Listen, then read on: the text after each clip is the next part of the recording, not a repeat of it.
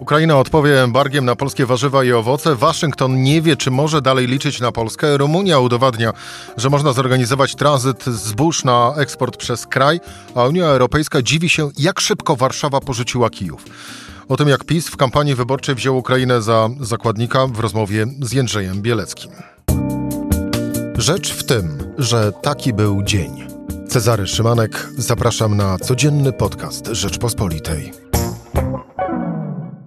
Jest 19 dzień e, września, wtorek, Jędrzej Bielecki, dział zagraniczny Rzeczpospolita. Jędrzej, dzień dobry. Dzień dobry. Zacznijmy wpierw jednak od e, komentarza, gorącego komentarza do wydarzenia e, z dziś, a właściwie do zapowiedzi wydarzenia.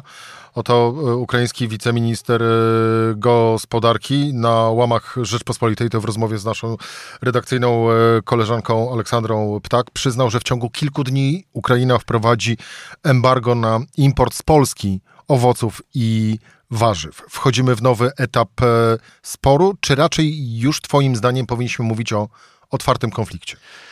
Ja bym powiedział, że to jest zupełnie inna jakość, dlatego że wchodzimy w zupełnie nowy układ. Dlaczego? Dlatego, że do tej pory od inwazji w lutym zeszłego roku, jaka była sekwencja? No była taka, że Unia Europejska wprowadza kolejne sankcje, zaostrza coraz bardziej ten rytm sankcji. Niektórzy uważali, że jest to niewystarczająco szybko. Pamiętamy doskonale oskarżenia na przykład premiera Morawieckiego pod adresem Niemiec, pod adresem Francji, że zwlekają, że mają swoje interesy w Rosji, że nie chcą z nich zrezygnować. Mówiono na przykład o firmach niemieckich, niektórych, dlaczego one tam pozostają, na przykład francuskim Le, Le Merlin et Auchan, że one tam zostają, ale to wszystko szło w jednym kierunku, to znaczy chodziło bardziej o tempo, i o skalę tych sankcji, natomiast nikt nie miał wątpliwości, że kierunek jest jeden. Dwa, struktura była dosyć jasna. Otóż kraje tej flanki wschodniej NATO, a przede wszystkim Polska są tymi i Republiki Bałtyckie, kraje bałtyckie są tymi, które pchają wszystkich w tym jednym kierunku.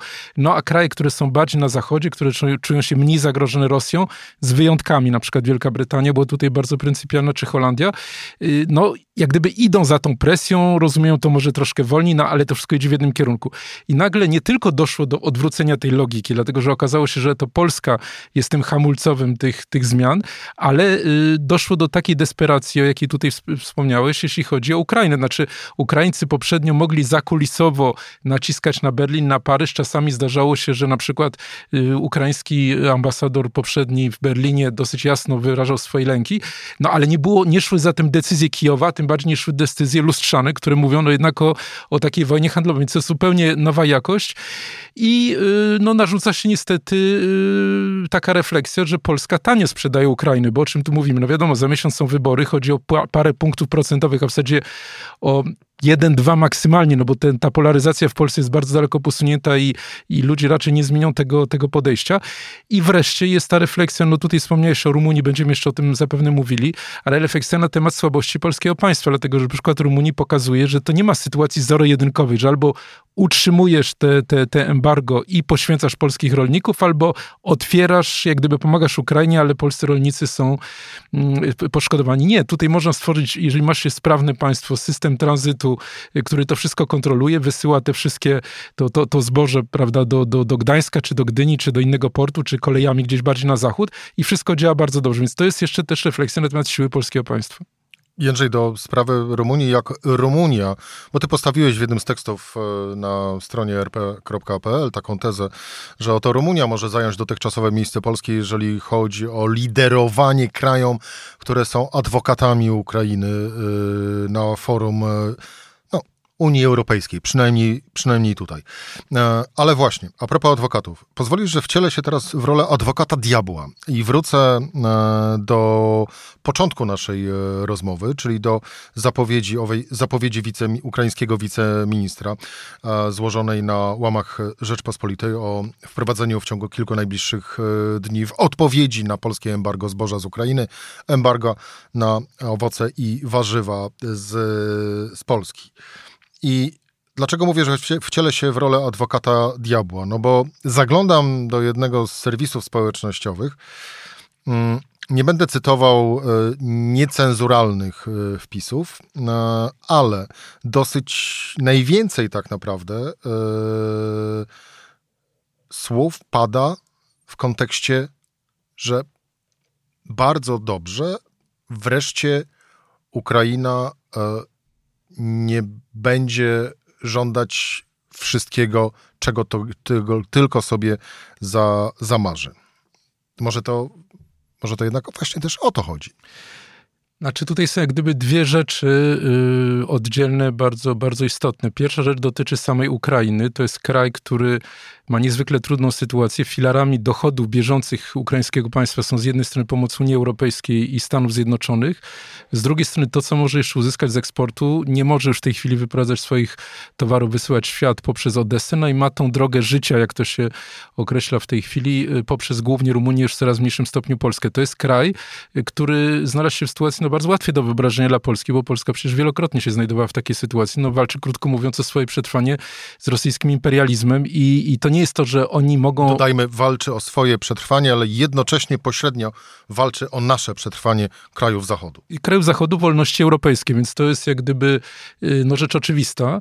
I to się wiąże z drugą refleksją, niestety bardzo smutną, mianowicie ta wizja Polski y, jako kraju, którego y, tożsamość, kod genetyczny bazował na wolności, prawda? Wszyscy się tego uczyliśmy, że to są kolejne powstania narodowe, że jak, jak tylko Niemców nie będzie i Rosjan nie będzie, to wszystko będzie wspaniale, no pokazuje, że tak niestety nie jest. To znaczy, że historia była inna, że ludzi, którzy brali udział w tych wszystkich powstaniach był margines, że tak naprawdę dla wielu Polaków to, co jest istotne, to jest ich poziom życia, że zapewne gdyby y, koncepcja Gierka udała się z reformami, znaczy z kredytami y, pobranymi z Zachodu, gdyby nie było wielkiego kryzysu naftowego w 1973-1979 roku, to prawdopodobnie Solidarności by nie było.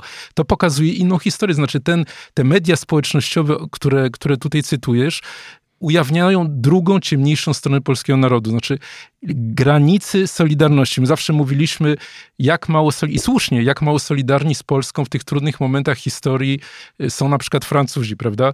Jak były doniesienia chociażby w czasie powstania listopadowego wysłannika francuskich władz mówiący, że wszystko jest w porządku w Warszawie, no bo już nie ma buntu, wszystko się uspokoiło, wrócił carat. Jak mieliśmy pretensje już się trzymając tych nieszczęsnych Francuzów, że oni zawsze z tą Rosją handlują, że, że zapomnieli o Polsce i tak dalej.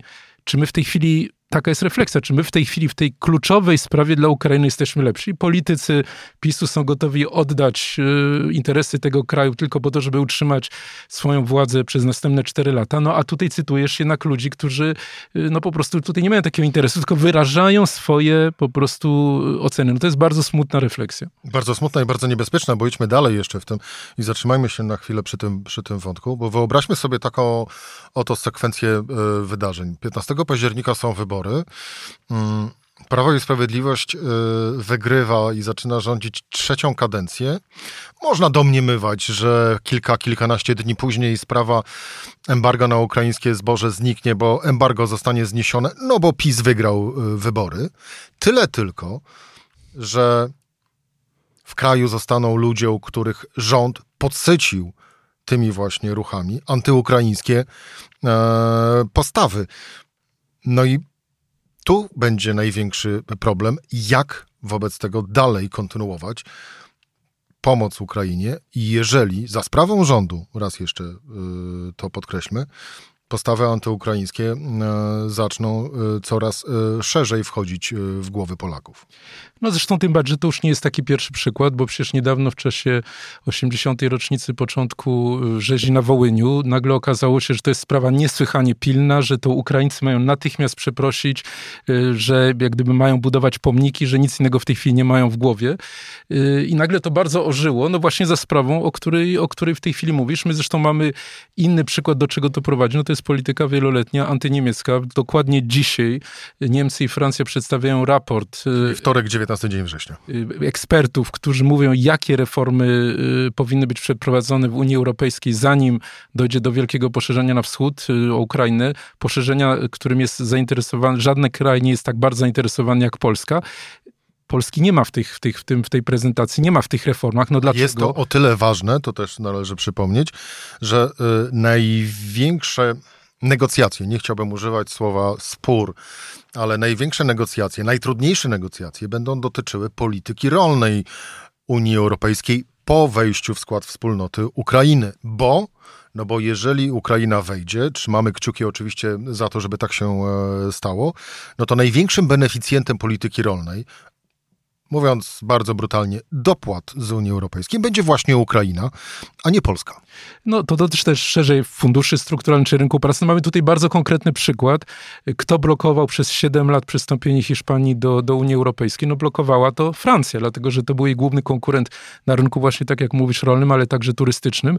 Kto przeforsował to? No to był kanclerz Kohl czy Niemcy, dlatego że widziały interes w tym wielkim projekcie pokojowym, jakie są, jakim jest Unia Europejska. Oczywiście też są wielką potęgą eksportową, więc też było w tym e, interes ekonomiczny, ale był też ten interes strategiczny i ja boję się, że to się będzie działo także w tym samym, podobnie tutaj, jeśli chodzi o, o, o Polskę, gdy idzie o Niemcy i, i, i Francję. I tutaj stawiając kropkę na Dino, to jest efekt budowania e, twardego, gdyby wspierania czy, czy konsolidowania twardego elektoratu przez PiS poprzez politykę antyniemiecką. To doprowadziło do czego? No Niemcy nie odpowiadają na te codzienne zaczepki, tylko po prostu podejmują strategiczne decyzje bez Polski i tak samo będzie podejrzewam w sprawie ukraińskiej. Czyli czasy, kiedy za nas decydowano, dzięki rządowi Prawa i Sprawiedliwości zaczynają e, namacalnie wracać. Ale właśnie, jeżeli to e, jeszcze e, obiecaliśmy sobie, że wrócimy do kwestii, do kwestii Rumunii, a właściwie do przykładu Rumunii, ale no, to jest też przykład na konsekwencje, realne konsekwencje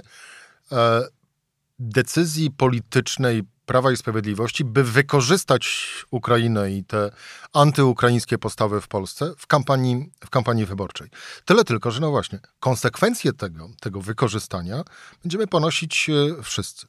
Na razie słownie i jeżeli chodzi o taki klimat wokół, e, wokół Polski, no bo powiedzieć, że Bruksela jest zirytowana, bądź też po prostu liderzy Unii Europejskiej są zirytowani postawą Warszawy, to właściwie nic nie powiedzieć. Kolejna rzecz, o czym sam wspomniałeś, zostaliśmy właściwie nie tyle nawet co wyproszeni, co nie jesteśmy już zapraszani do stolika, do stolika rozmów, gdzie zapadają i będą zapadały najważniejsze decyzje dotyczące przyszłości Unii Europejskiej, czyli również, czyli również e, nas. A co na to wszystko Waszyngton? Amerykanie, jeżeli spojrzysz na mapę, mają dwóch potencjalnych e, sojuszników, można powiedzieć, e, w Europie, tutaj na flance wschodniej, no i południowej trzeci Turcji, to jest Polska i Rumunia. Nie, nie uciekną od tego, dlatego że no Węgry, wiadomo, z oczywistych względów odpadają. Słowacja też może mieć za chwilę rząd prorosyjski, zresztą jest malutka, to są góry, więc tego się nie da zrobić. No nie, mają taki układ. Oni są do tego przyzwyczajeni, to znaczy do grania z krajami, które nie podzielają ich wartości, są przyzwyczajeni. Wystarczy wspomnieć na przykład, nie Arabię Saudyjską, y, to, to jest oczywiste ale to są relacje, które mają charakter y, ograniczony. To znaczy przede wszystkim, tak jak powiedziałeś, nie, poziomie, nie bierzesz udziału w decyzjach, tak jak nie tylko na poziomie Unii Europejskiej, ale też strategicznych, y, na poziomie Ameryki wobec Rosji, wobec warunków pokoju, wobec momentu pokoju. To jest pierwsza rzecz. No a dwa, skoro mają dwóch takich, y, tak, taką opcję, no to mogą też zagrać tym drugim. I teraz no, wielu z nas pozostało z taką wizją Rumunii jako kraju ogarniętego, zatopionego w korupcji, biednego, biednego, y, który no, ma trudności z funkcjonowaniem państwa, który nadal nie jest w strefie Schengen i tak dalej. Y, jeżeli ktoś dawno nie patrzył na statystyki, spotka go zaskoczenie, dlatego że różnica w poziomie życia według MFW między Polską 45 tysięcy dolarów, a Rumunią 42 jest w tej chwili bardzo mała. My szorujemy podnieść, chodzi o wzrost gospodarczy, jesteśmy na granicy recesji, oni mają 2,5% wzrostu, więc za chwilę może się okazać, że to Rumuni nas wyprzedzą, a nie jak chciał Jarosław Kaczyński, my wyprzedzimy Niemcy, więc to może się mnie, na poziomie gospodarczym. Mnie urzekła ta postawa Rumunii, która tak naprawdę potrzebowała raptem kilku, no, kilku miesięcy, bo nie chciałem już powiedzieć kilkunastu tygodni, ale to tak naprawdę było kilka, kilka miesięcy, na to, aby zbudować e, ramy i podstawy i cały w ogóle e, system e, tranzytu ukraińskiego zboża przez, e, przez Rumunię, od jego odbioru w porcie e, w Konstancji. I, więc, a my, my tego nie potrafimy, znaczy my, no, rząd Prawa i Sprawiedliwości męczy się z tym już co najmniej rok, o ile nie, o ile nie dłużej. No i tak naprawdę to również pokazuje e, w pewnym sensie taką siłą, siłę sprawczą państwa. No siłę sprawczą i to też dotyczy innych obszarów, no bo dotyczy też tego, czy potrafisz obracać się w Brukseli, czy też nie, dlatego że Rumuni nie mają... Areszt potrafi? No w tym sensie potrafi. Ja nie chcę idealizować tego kraju, ale ponieważ nie gramy w lidze Niemiec, nie gramy w lidze Francji, więc to jest nasza liga i z tym krajem możemy się porównać. I no oni nie mają otwartego problemu z rządami prawa. Ja nie twierdzę, że nie ma tam przypadków korupcji, czegoś, ale nie ma ekipy, która chce podważyć zasady demokracji, wolność mediów, tego nie ma. W związku z tym otrzymują e, fundusze z, z odbudowy, e, no, czego, czego Polska e, nie, nie, jest w stanie, nie jest w stanie zrobić. W związku z tym, jeżeli mówisz o tych, o tych warunkach, o tej, o tej budowie strategicznej, no to, to, to, to rzeczywiście tam jest to możliwe. Dwa, w tej chwili mamy premiera, który jest premierem lewicowym socjalistycznym. To jest na mocy porozumienia takiej koalicji, którą udało się zawrzeć z partią konserwatywną, więc też gdzieś tam tam jakieś cywilizowane warunki dialogu okazuje się, że są możliwe, znowu nie idealizując tego kraju. I trzecia rzecz, jaką bym powiedział, to jest kwestia tego, czy Rumunia wie, y, w jakiej, logi, w jakiej lidze gra. Nie wiem, czy to jest przykład y, tragiczny Mołdawii, ale wydaje się, że po prostu zdaje sobie sprawę ze swojego miejsca w tym świecie i wie, jak łatwo wypaść z orbity świata zachodu i gra w taki sposób, aby jednak no, czuć się przynależną do tego, do tego świata zachodniego. No na przykład takim przykładem przykładem jest chociażby decyzja Amerykanów w tej chwili o budowie takiego pierwszego centrum szkoleniowego myśliwców F-16 właśnie w Rumunii, a nie, a nie, y, a nie gdzie indziej. Ja bym tutaj przedstawił taką, taki, taki króciutki jeden porównanie dwóch, dwóch, dwóch postaci, mianowicie y, cytowanego już przez ciebie prezesa PiSu i, i generała de Gaulle we Francji. Y, to był no, człowiek... No, ryzykowne porównanie. Ryzykowne, no ale to był człowiek oczywiście, który brał prominentny udział w II wojnie światowej, był pokoleniem wojennym, liderem wolnej Francji i który zdecydował się kilkanaście lat po wojnie na strategiczny y, traktat elizejski z kanclerzem Adenauerem, bo wiedział, że przyszłością Francji jest Europa, że kończą się czasy kolonialne, że w systemie dwóch bloków to jest jedyne wyjście, żeby Francja w ogóle cokolwiek odgrywała. Czyli o co chodzi? Przedkładał wizję strategiczną, którą był w stanie zrozumieć i opracować nad obawami społeczeństwa francuskiego. Był w stanie Francuzów kilkanaście lat po wojnie, w zasadzie po serii trzech wojen, jaką miała Francja, prawda, bo 1970, pierwszy, pierwsza i druga wojna światowa, przekonać Francję Francji do nadania kierunku, który zadecydował integracji europejskiej. Y, no, jeśli chodzi o prezesa PiS, to może ja bym ci zadał pytanie, czy ty w ogóle widzisz jakiś strategiczny kierunek, czy tylko kwestia sondaży i władzy? Na to pytanie mogę Ci tylko i wyłącznie odpowiedzieć, że widzę Ciebie przede wszystkim, a więc i tak to e, po, po, pozostawię. Bardzo silna odpowiedź. A, natomiast na koniec, Jędrzej, wobec tego podsumowując, e, ani Unia Europejska, ani Kijów tym bardziej nie zapomną e, władzy w Polsce tego, co się dzieje przez ostatnie tygodnie, a czego taką, przynajmniej na razie, póki co, no bo jeszcze do wyborów jeszcze trochę, ale póki co, który, czego kulminacją jest e, owa decyzja o wprowadzeniu, właściwie utrzymaniu embarga na ukraińskie, ukraińskie zboże. E, Będziemy bardzo cierpieć z tego powodu? No moim zdaniem będziemy w dwóch punktach. Pierwszy punkt to będzie, kiedy przyjdzie do momentu, w którym, nie wiem, czy to będzie na przykład jak Donald Trump zostanie wybrany, trudno powiedzieć, w którym to będzie, kiedy Zachód, szeroko pojęty Zachód dojdzie do wniosku, że to jest ten moment, kiedy trzeba iść na kompromis z Putinem, kiedy trzeba określać warunki pokoju i dwa, kiedy już po tym czymś będą określane warunki odbudowy Ukrainy. Kto będzie w tym brał udział, na jakich zasadach. Wtedy Polska może wystąpić z takim postulatem, no zaraz, zaraz, ale przecież tu trzeba było dążyć do tego, żeby Ukraińcy odbili wszystkie tereny, albo żeby na przykład polskie firmy miały w tym udział i wtedy łatwo będzie znaleźć argument, że powiedzieć tak, ale kiedy wasze interesy były w grze, tutaj masz ten przykład zboża, to żeście tak nie mówili. W związku z tym na forum opinii publicznej, no wasze argumenty są warte niewiele.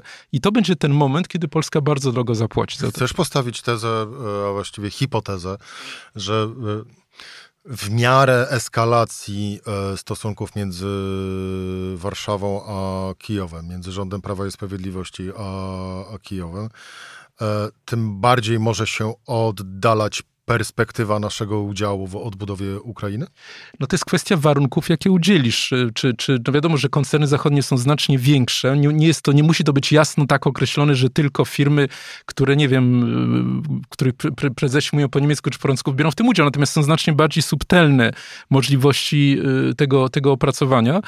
Natomiast uważam, że to będzie moment, w którym po prostu, bo Polska miała te słynne swoje pięć minut. W momencie, kiedy wybuchła, kiedy rozpoczęła się rosyjska inwazja na Ukrainę, Niemcy przyznały się ustami nikogo innego niż prezydenta y, Franka Waltera Steinmeiera popełniliśmy największy błąd dyplomatyczny y, od, y, od czasów powojennych Niemiec. Niemcy były wtedy gotowe słuchać Polski, Francja była gotowa słuchać Polski, oczywiście do jakiegoś stopnia, ale jednak wyjątkowo dużego, jak na ostatnie czasy, bo Polska miała tą przewagę moralną, że miała rację. Tak, Nord Stream 2 to był ogromny błąd. Tak, należało ograniczyć zależność energetyczną od Rosji i tak dalej, i tak dalej. Te pięć minut się skończyło, nie udało nam się przefosować niczego tam, bo nawet żeśmy tego nie próbowali, a teraz sytuacja zaczyna się odwracać, no bo tam ci, te, te, te stolice zachodnie mogą powiedzieć, no nie, no zobaczcie, przecież wy sprzedajecie tych Ukraińców za, za, za, za parę y, punktów procentowych w wyborach, czy za interesy polskich rolników. Jędrzej Bielecki, dział zagraniczny Rzeczpospolitej. Dziękuję Ci bardzo za rozmowę. Dziękuję. To był podcast e, Rzecz w tym. Cezary Szymanek, do usłyszenia.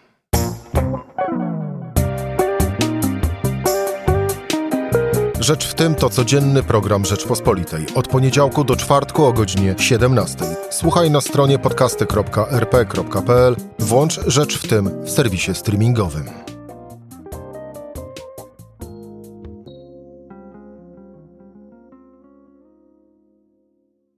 Poznaj mocne strony Rzeczpospolitej. Wejdź na prenumerata rp.pl. Polecam. Bogusław Rabota, redaktor naczelny.